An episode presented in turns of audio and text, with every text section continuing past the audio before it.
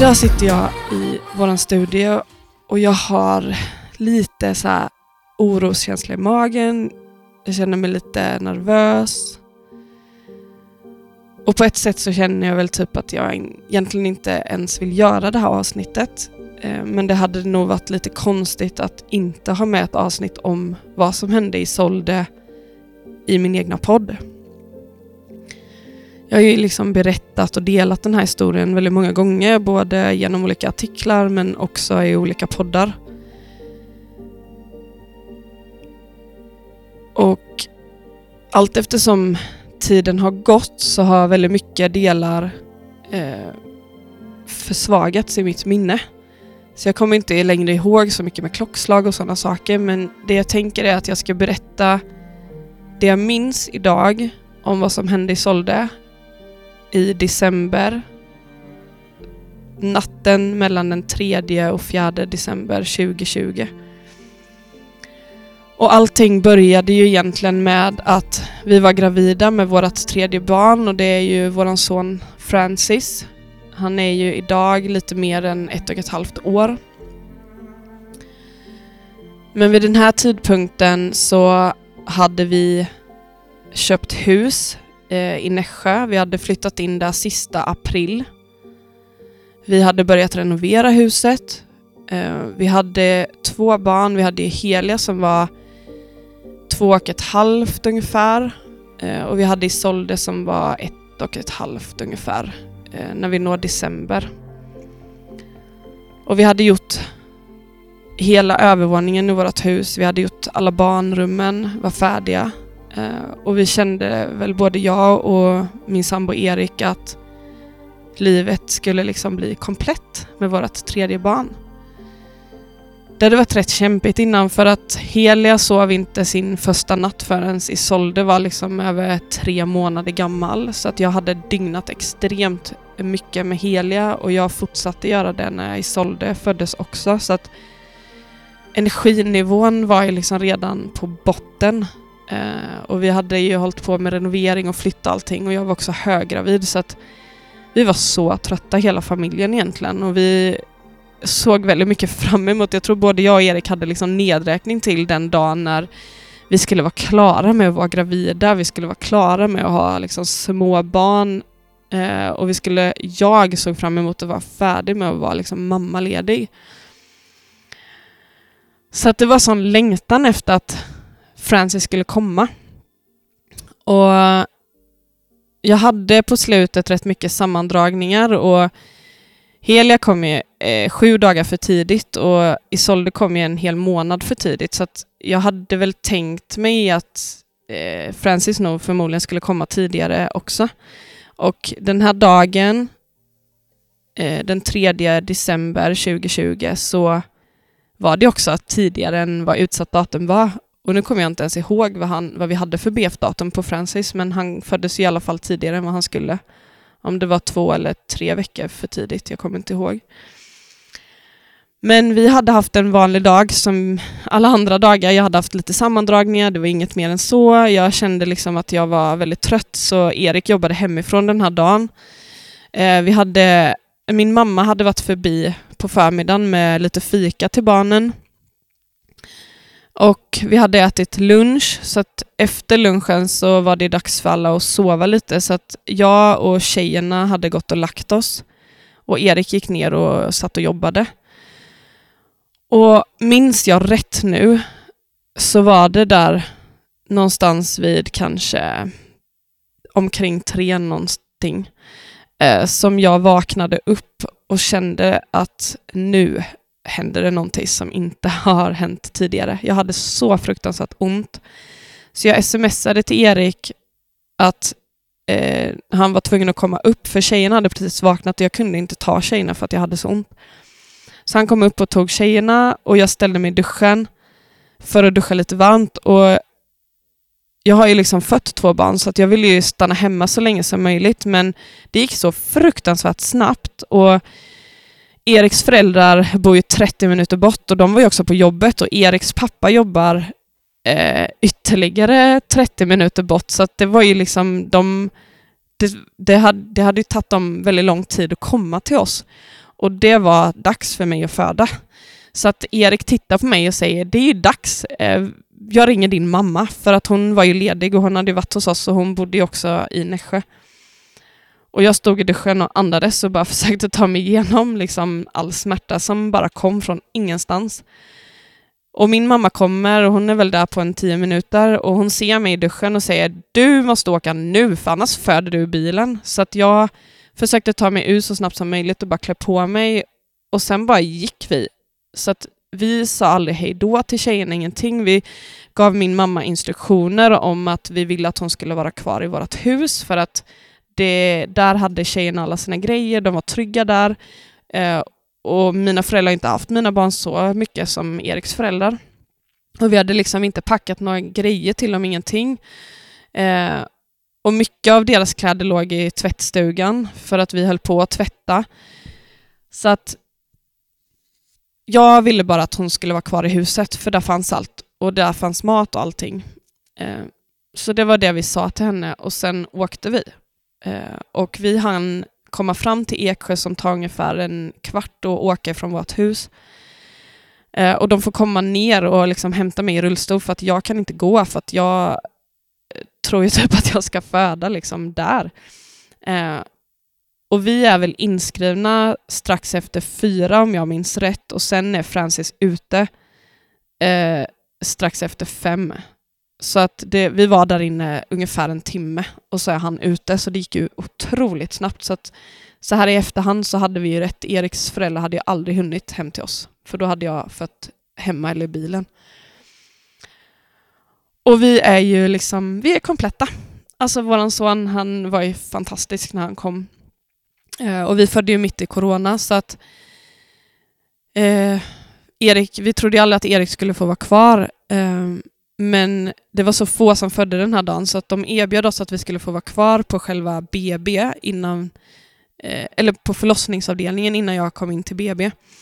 Så att Erik ville hemskt gärna stanna kvar och när Francis föds så tar vi ett kort och skickar till min mamma och i samma stund som hon får kortet då stiger hon in med tjejerna hemma i hennes hus. Så det som har hänt under tiden på den här timmen är att eh, Ehm, Helia har stängt av tvn hemma och mamma vet inte hur hon sätter på den. Så hon har tagit tjejerna, åkt och handlat mat och sen åkt hem till sig eh, och samtidigt också tagit ledigt från jobbet för att hon då tänkte att de skulle sova över hos henne och pappa. Då. Eh, och Detta har hon ju gjort eh, utan att fråga oss egentligen. Och Erik tycker ju då att men, tjejerna kan väl sova över där och jag kände mig inte alls bekväm med det men jag var nyförlöst, jag hade en bebis jag låg och var superglad över och det var alla hormoner och allting så jag bara lät honom ta beslutet egentligen. Eh, och Erik sa till mig, vad är det värsta som kan hända? Och ja, det är väl inte så mycket som kan hända när de sover där en natt. Liksom. Det är inte så att mina föräldrar är några hemska människor på det sättet. Eh, det är bara att vi har lite olika åsikter om eh, uppfostran kanske och bemötande och så. Så att eh, tjejerna fick sova över eh, hos dem. Eh, och på morgonen nästa dag eh, så har jag liksom inte alls riktigt koll på tid mer än att jag vet att eh, eh det var läkarrond om det var vid halv nio på morgonen. Så allting det jag kommer berätta nu sker ju liksom innan halv nio. Eh, men jag tror det började med att mamma skickade en bild på pappa och Helia att de satt i soffan och då eh, skickade jag tillbaka vad jag sålde. Och då skrev mamma att hon sov. Och sen vet inte jag ifall jag har, har liksom skickat tillbaka till henne eller om jag bara hann att tänka att så här, men det kan inte stämma för att Isolde vaknade alltid mellan fyra och halv fem. Alltså hon har aldrig sovit längre än det, någonsin. Eh, och klockan var ju mer än det i alla fall när hon skickade eh, den här bilden. Men samtidigt i detta så kommer morgonpersonalen in och ska presentera sig. Eh, och då säger de till mig att ja, men du kan gå och duscha och äta frukost och så, så du är redo sen vid läkarronden. Så ser allt bra ut, då kan ni liksom åka hem. Och Erik skulle komma in till den här läkarronden så att jag fokuserade på att jag skulle göra mig klar och liksom amma och allting sånt. Eh, så, och, och, så jag hörde ju liksom inte av mig mer till mina föräldrar. Eh, för jag tänkte inte på det alls. Och sen någon gång efter där innan halv nio så ringer Erik. Eh, och han är lite konstig i telefonen. Han säger till mig att eh, det kommer komma in två, det kommer komma in personal till dig nu. Eh, och jag vill att du ska sätta dig ner. Och jag bara, vad är det? Han bara, nej men vi tar det när de kommer in. Och jag bara, men det kommer ingen. Han bara, men tryck på, tryck eh, på den röda knappen så det kommer in någon till dig för du ska inte vara själv nu. Och jag bara, nu får du berätta vad det är. Han bara, vi väntar. Så jag tryckte på knappen och de kom in och jag bara, nu är de här, berätta. Han bara, men jag, jag sitter i en ambulans och jag är på väg till Rehov eh, och det gäller Isolde eh, och det är allvarligt. Och jag bara, va? Ska hon dö nu? Och han bara, vi vet ingenting. Och jag bara, men hon är död. Jag bara sa det, jag kände det i hela min kropp. Hon är, hon är död. Och han bara, vi vet inget. Men jag sitter i ambulansen och hon är en egen ambulans framför mig och jag är på väg till Rehov. Eh, så vi la väl på efter det och jag var ju typ i chock och jag bara grät och grät och personalen där inne förstod att det var något allvarligt liksom eftersom att de hade ju hört men de visste ju inte något annat eller så, så jag bara berättade snabbt och de förstod ju allvaret i detta så de började ju rodda med att försöka hitta någon taxi liksom för att vi behövde hitta någon som hade en stol till en nyfödd för det hade inte vi med oss. Um, och jag liksom ska försöka göra Johan i mig. Jag vet, jag var så chockad. Ehm, så jag liksom vet inte vad jag gjorde riktigt men den här tiden var ju den längsta tiden i mitt liv. Ehm, och sen så ehm, kommer de då, så gör de ju läkarronden på Francis och de tar honom först så att han ska liksom vara färdig så snabbt som möjligt. Så att jag kan åka sen. Um, och sen, jag vet att det här är efter klockan tio och det vet jag för att jag har ju fått veta det efteråt med obduktion och sådär men efter tio så ringer Erik till mig och säger att hon är död. Det gick inte att rädda henne. Um, och jag sitter med henne i min famn och hon är bara död. Och han är själv där inne så jag fokuserar väldigt mycket på honom. liksom. Um, och jag vet ju, för på obduktionen så stod det att hon är död förklarad klockan tio så det här är efter tio i alla fall. Och de fortsätter försöka hitta en taxi som har en bilstol till en nyfödd men vi, de hittar ingen. Så de börjar leta efter en ambulans som är ledig och som kan komma och hämta mig. Men det tar jättelång tid innan det kommer en ambulans. Så jag vet faktiskt inte alls när jag väl kommer in till Rehov sen. Men när jag väl anländer dit så är ju liksom min familj där och Eriks familj. under tiden jag sitter i Eksjö och väntar liksom på det här så tänker jag att jag måste bara berätta för alla att hon är död så jag skickar liksom på Snapchat till alla mina vänner och jag ringer min närmsta tjejkompis. Och när jag ringer henne så hör hon ju bara att jag gråter så hon tror ju liksom att jag är så himla lycklig för att jag har fått Francis och jag bara säger att Isolde är död, Isolde är död och hon förstår ingenting. Och jag frågar vill du följa med in och titta på henne? Och hon är ju helt chockad. Hon säger att hon inte vill det, att jag, måste, att, så här, att jag ska ta mig dit själv först. Och så här efteråt så förstår man ju att jag var så chockad för att annars så skulle man ju aldrig skicka på Snapchat och berätta att ens barn har dött för det är ju ett meddelande som försvinner. Men jag åker i ambulansen och det enda jag tänker på är ju hur Erik mår och hur Helia mår. Vad har Helia sett? För jag visste ju fortfarande inte vad som hade hänt. Och jag kommer in till Rehov. Och jag minns att det bara var en lång korridor och den var bara vit och när de stannar mig så kommer det fram liksom personal och jag tror en präst kom och de ska berätta för mig vad jag ska möta där inne och jag bara frågar efter Helia och Erik och mamma och pappa. För jag vill bara liksom se att alla är okej okay på något sätt. Och jag kände så motstridiga känslor till att komma dit till Helia med en nyfödd bebis som hon inte ens har träffat och så ligger hennes andra syster död i rummet bredvid. Liksom. Och hon var ju två och ett halvt vid den här tiden och jätte liksom sprallig och glad och pratig och det jag möter är liksom en tjej som är helt tyst och avtrubbad, typ. Och jag vet att jag kramade henne och hon tittade liksom på Francis och hon berättade för mig att Isolde är död. Hon fick åka till himlen. Och jag kramar mina föräldrar och jag säger att jag älskar dem. Och jag träffar väl Erik och hans föräldrar med, jag kommer inte riktigt ihåg nu. Men de berättar för mig i alla fall att jag kommer komma in i ett mindre rum där det är bord och stolar och där sitter alla. Och i rummet bredvid så ligger Isolde och när jag känner mig redo så ska jag få gå in och titta på henne. Och de öppnar dörren. Och det första jag ser är mitt döda barn. För de har glömt att stänga dörren.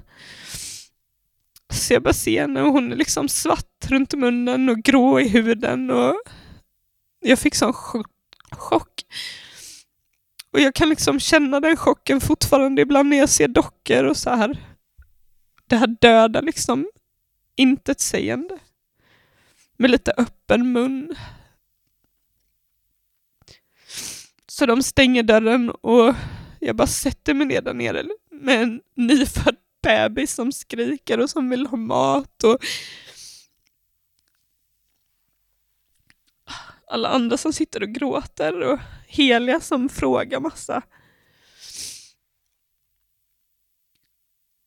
Och jag vet att det var någon personal där inne som tog med Helia sen till något lekrum så att hon fick leka lite.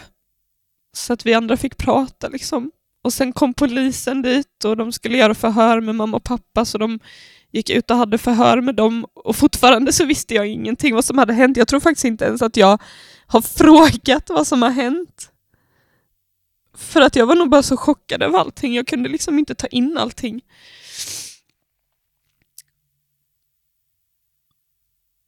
Och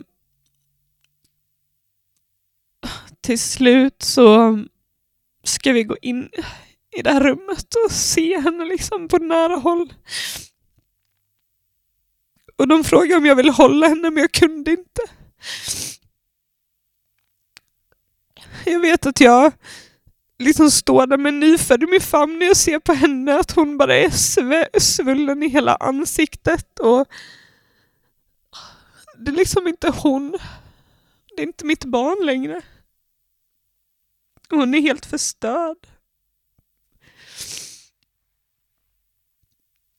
Så jag pussar bara henne på pannan och säger att jag älskar henne. Och sen klarar jag inte av att vara där inne mycket mer. Och jag vet inte om det var då Erik satt igen och höll i henne sen eller hur vi gjorde, jag kommer inte ihåg.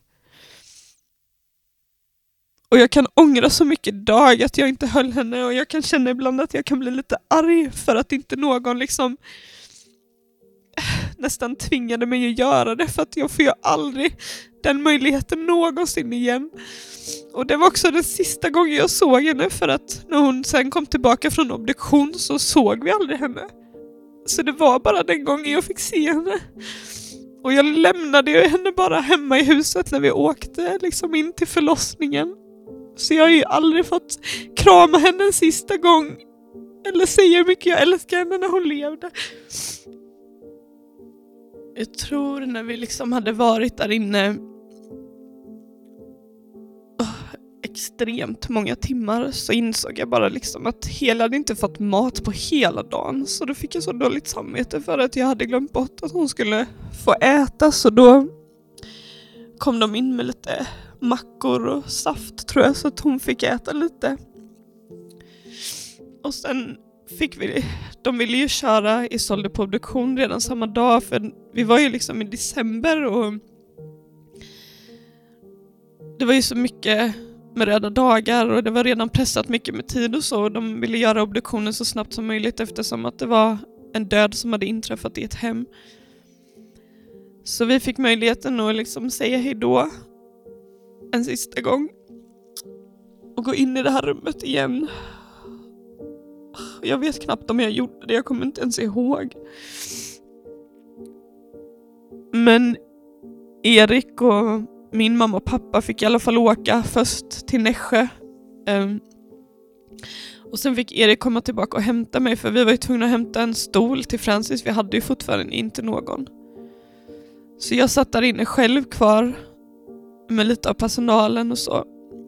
Uh, Medan de gjorde allt det. Och sen tror jag att vi var hemma i vårt hus någonstans efter fem och liksom vi klev in i huset och det första man ser är jacka och hennes skor och sådana saker. Och sen gick vi upp för trappen och det första vi ser då är liksom hennes rum som kommer vara helt tomt. Det var ju ett helt nytt rum hon hade fått som hon knappt hade hunnit använda. Och mina föräldrar och Eriks föräldrar och så kom hem till oss allihopa och vi köpte pizza så att vi skulle äta någonting. Och sen vill min pappa berätta vad han tror att dödsorsaken är. Men jag kunde inte ta in det för att om det var så som han sa så skulle det ju betyda att det är mina föräldrar som har orsakat hennes död. Och jag kunde liksom inte ta in det samtidigt för att jag behövde mina föräldrar. Jag behövde ha dem som stöd i allting. Så jag sa till min pappa att vi kommer inte prata om det här förrän vi får svar från obduktion. För jag ville liksom inte spekulera. Vi kunde ju inte veta hundra procent. Så de tre månaderna efter innan vi fick svar från obduktion så försökte vi liksom bara överleva. Francis hade kolik. Helia grät och hade utbrott. Och jag och Erik, jag vet inte, vi var helt avtrubbade. Jag vet att jag stod vid flera tillfällen och liksom försökte laga mat till Helia. Och jag bara glömde bort att jag lagade mat så jag brände maten och min hjärna funkade liksom inte. Och vi fortsatte renovera huset. Alla var där och hjälpte oss i början. Bara för att liksom få tiden att gå.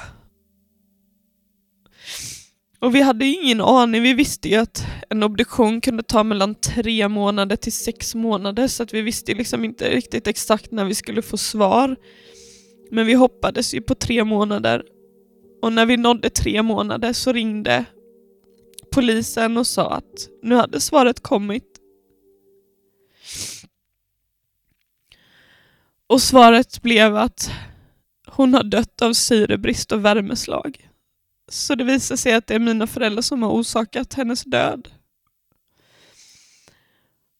Och den dagen när vi fick svaret så var Erik på jobbet och det var en eftermiddag så jag bara ringde Erik och sa du måste komma hem. Och han kom hem och jag ringde mina föräldrar och berättade att vi hade fått det här svaret och de ville genast komma hem till oss men jag kände att det går inte nu, jag måste få landa i det här. Så jag och Erik tog liksom en kväll själva, vi hade haft så mycket folk hos oss hela tiden och vi bara behövde en paus ifrån allt. Och sen nästa dag, tidigt på morgonen, så hörde jag av mig och sa att mamma och pappa gärna fick komma. Jag tror de kom till oss innan åtta på morgonen nästan, för att de kom direkt. liksom. Och min pappa sa att nu måste vi hålla detta inom familjen. Du måste tänka på din bror och på din syster. De tycker det är jättejobbigt när de får frågor på jobbet och av andra bekanta. Och jag bara blev helt ställd. För jag bara sa, vad säger du liksom? Vi måste ju få prata om vårt barn. Och han sa att du vill väl inte att detta ska påverka dina andra barn? Och jag, jag flippade. Jag flippade totalt. Jag skrek åt honom. Jag sa till honom att vi äger detta. Det är vårt barn och vi får prata hur mycket vi vill om det här. Och det här kommer för alltid förstöra och ärra för våra andra barn. De kommer inte glömma att de har en syster som har dött på det här sättet. Och sen tog jag Helia och så gick jag upp och Erik stannade kvar med mamma och pappa. Jag tror mamma åkte rätt så direkt efteråt. Alla var ju väldigt upprörda och arga liksom. Och Erik försökte mest medla tror jag.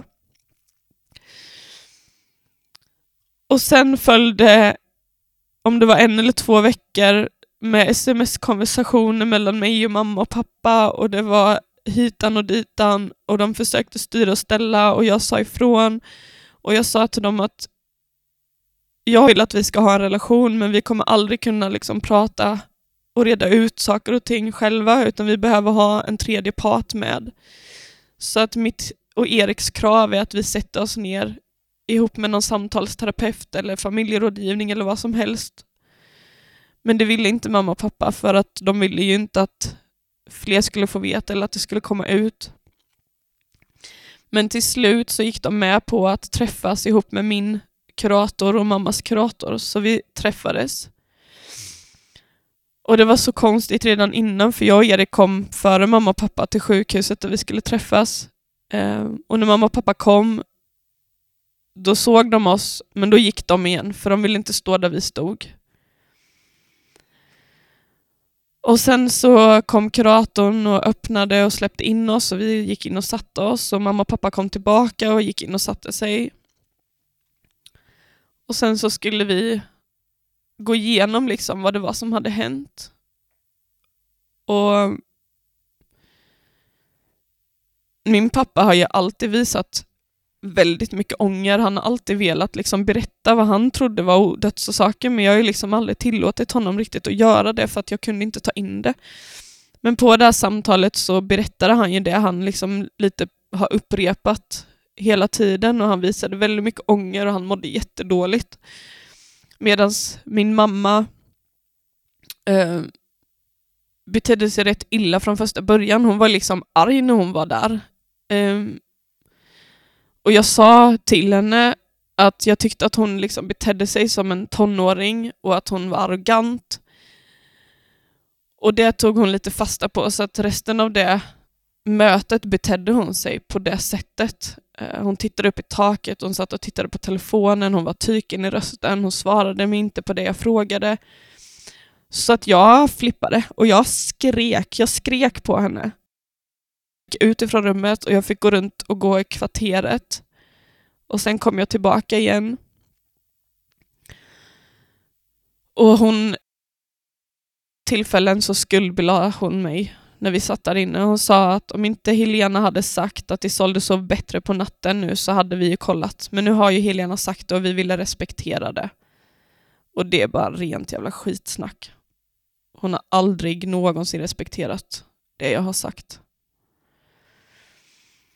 Och jag vet inte ens om jag ens har sagt att Isolde sov bättre på natten.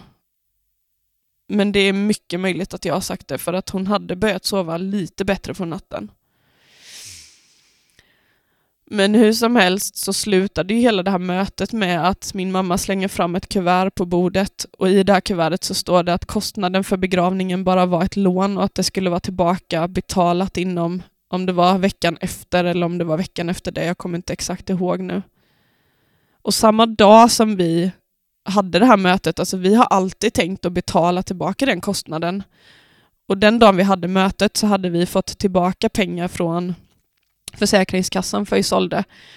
Så vi hade ju tänkt att säga på det här mötet att vi kunde betala, men vi hann ju liksom aldrig dit för att det var ju så, vi var ju så osams liksom eh, och upprörda över att vi aldrig riktigt fick svar på våra frågor. Eh, så vi kom ju aldrig dit. Men jag sa till Erik efter att mamma betedde sig så att i helvete heller, jag kommer aldrig betala de här pengarna till henne. Medan Erik sa jo, det kommer vi göra. För att vi kommer bete oss bättre än vad de gör. Så vi gick direkt hem och betalade den summan till min mamma. Och det är jag glad för att vi gjorde, för att det kändes ändå bra. Och det känns bra nu i efterhand att vi ändå liksom har tagit ansvar för den delen. Så det är jag väldigt glad och stolt över att Erik kunde tänka klart då. Men den dagen lämnade min pappa nycklarna till vårt hus för han hade extra nycklar. Han körde mina däck som han hade, vinterdäcken tror jag det var, och lämnade dem på en däckfirma. Och efter det så har vi inte haft någon relation med min mamma och pappa. Och det var också efter det sen som relationen till andra på min sida av släkten också fejdade ut och de försvann och vi var inte längre bjudna på kalas och sådana saker. Och sex månader efter att Isolde hade dött så hade jag och min syster ett samtal där jag kände att hon gick över gränsen för vad, vad som var okej. Okay. Så efter det sen så har jag inte haft någon relation med henne heller.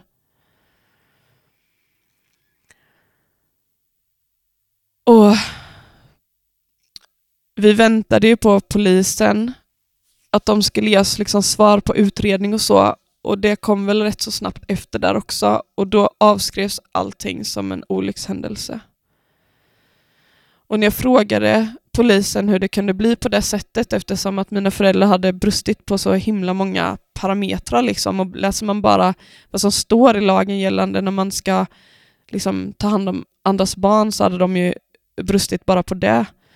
Då svarar polisen mig att jag tror att dina föräldrar fått straff nog. Vi behöver inte förstöra mer i er familj. Och jag kände bara, vad i helvete? Så rätt så snabbt efter det sen så la jag ut faktiskt på sociala medier och bad om hjälp med pengar till advokat och våra vänner samlade ihop pengar eh, så att vi kunde an, alltså anlita en advokat och vi fick en fantastisk advokat som lyssnade på oss och som gjorde ett helt fantastiskt jobb. Så dagen innan midsommar fick vi besked om att vi hade vunnit överklagan och att fallet öppnades igen. Och det här var ju då 2021. Och sen tog det ett helt år med utredning och det skulle rekonstrueras i rummet igen och det skulle vara rätt temperaturer så de fick ju vänta till liksom december för att kunna göra detta och det var förhör och det var en sån lång väntan och så lång process.